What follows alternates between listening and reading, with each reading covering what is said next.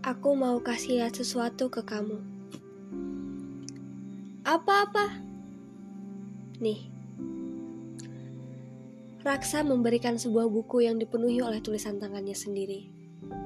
Tulisan itu tersusun rapi dicampur beberapa diksi yang lekat dengan diri Raksa. Namun, ada sesuatu yang membuat Nara merasa heran. Kenapa Raksa memberikan buku ini kepadanya? Kamu tahu nggak, Ra? Buku ini aku tulis buat siapa? Memangnya buat siapa, Sa? Buat Alina. Alina? Itu siapa, Sa? Nara belum pernah dengar.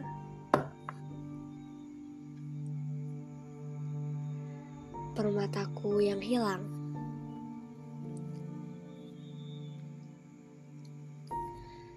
Nara hanya dibuat heran dengan pernyataan Raksa. Siapa itu Alina? Apa maksudnya permata yang hilang?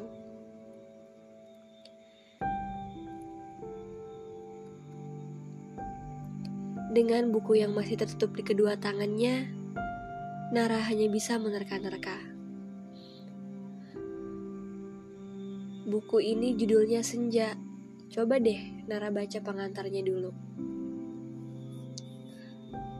Nara membuka buku itu dengan sangat hati-hati, seakan ada sesuatu yang ingin menerekamnya. Pada paragraf pertama, hati Nara sudah dibuat ngilu dengan seluruh untayan yang tertulis di sana. Siapa Alina? Bagaimana perasaan Raksa kepada Alina? Juga Raksa yang sangat bersyukur mempunyai Alina di hidupnya.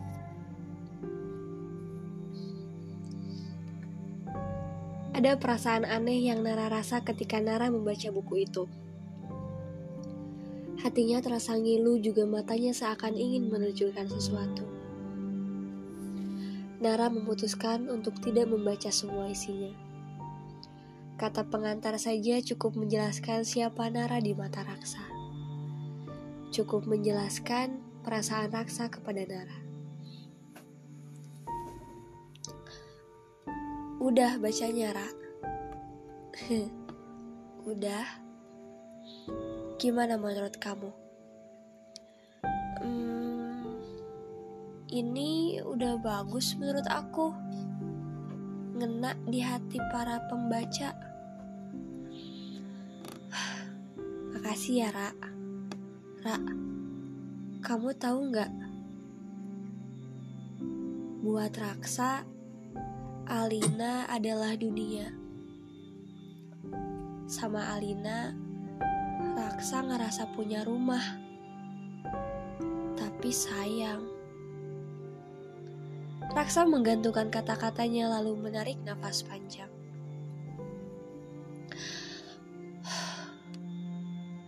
Alina pergi dengan seseorang yang menurutnya lebih pantas bersama dia. Raksa bisa apa, Rak?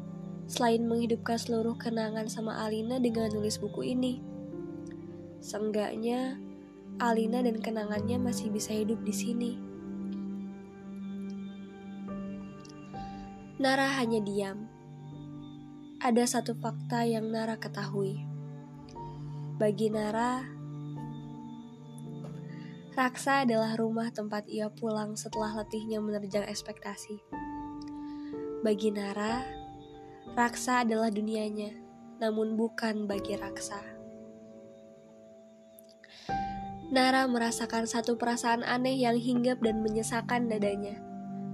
Ia merasa ditinggalkan sebuah rumah, namun bagaimana bisa Nara merasa ditinggal padahal ia saja tak pernah bisa masuk ke dalam rumah itu. Bagaimana bisa Nara merasa kehilangan padahal ia tidak pernah memiliki?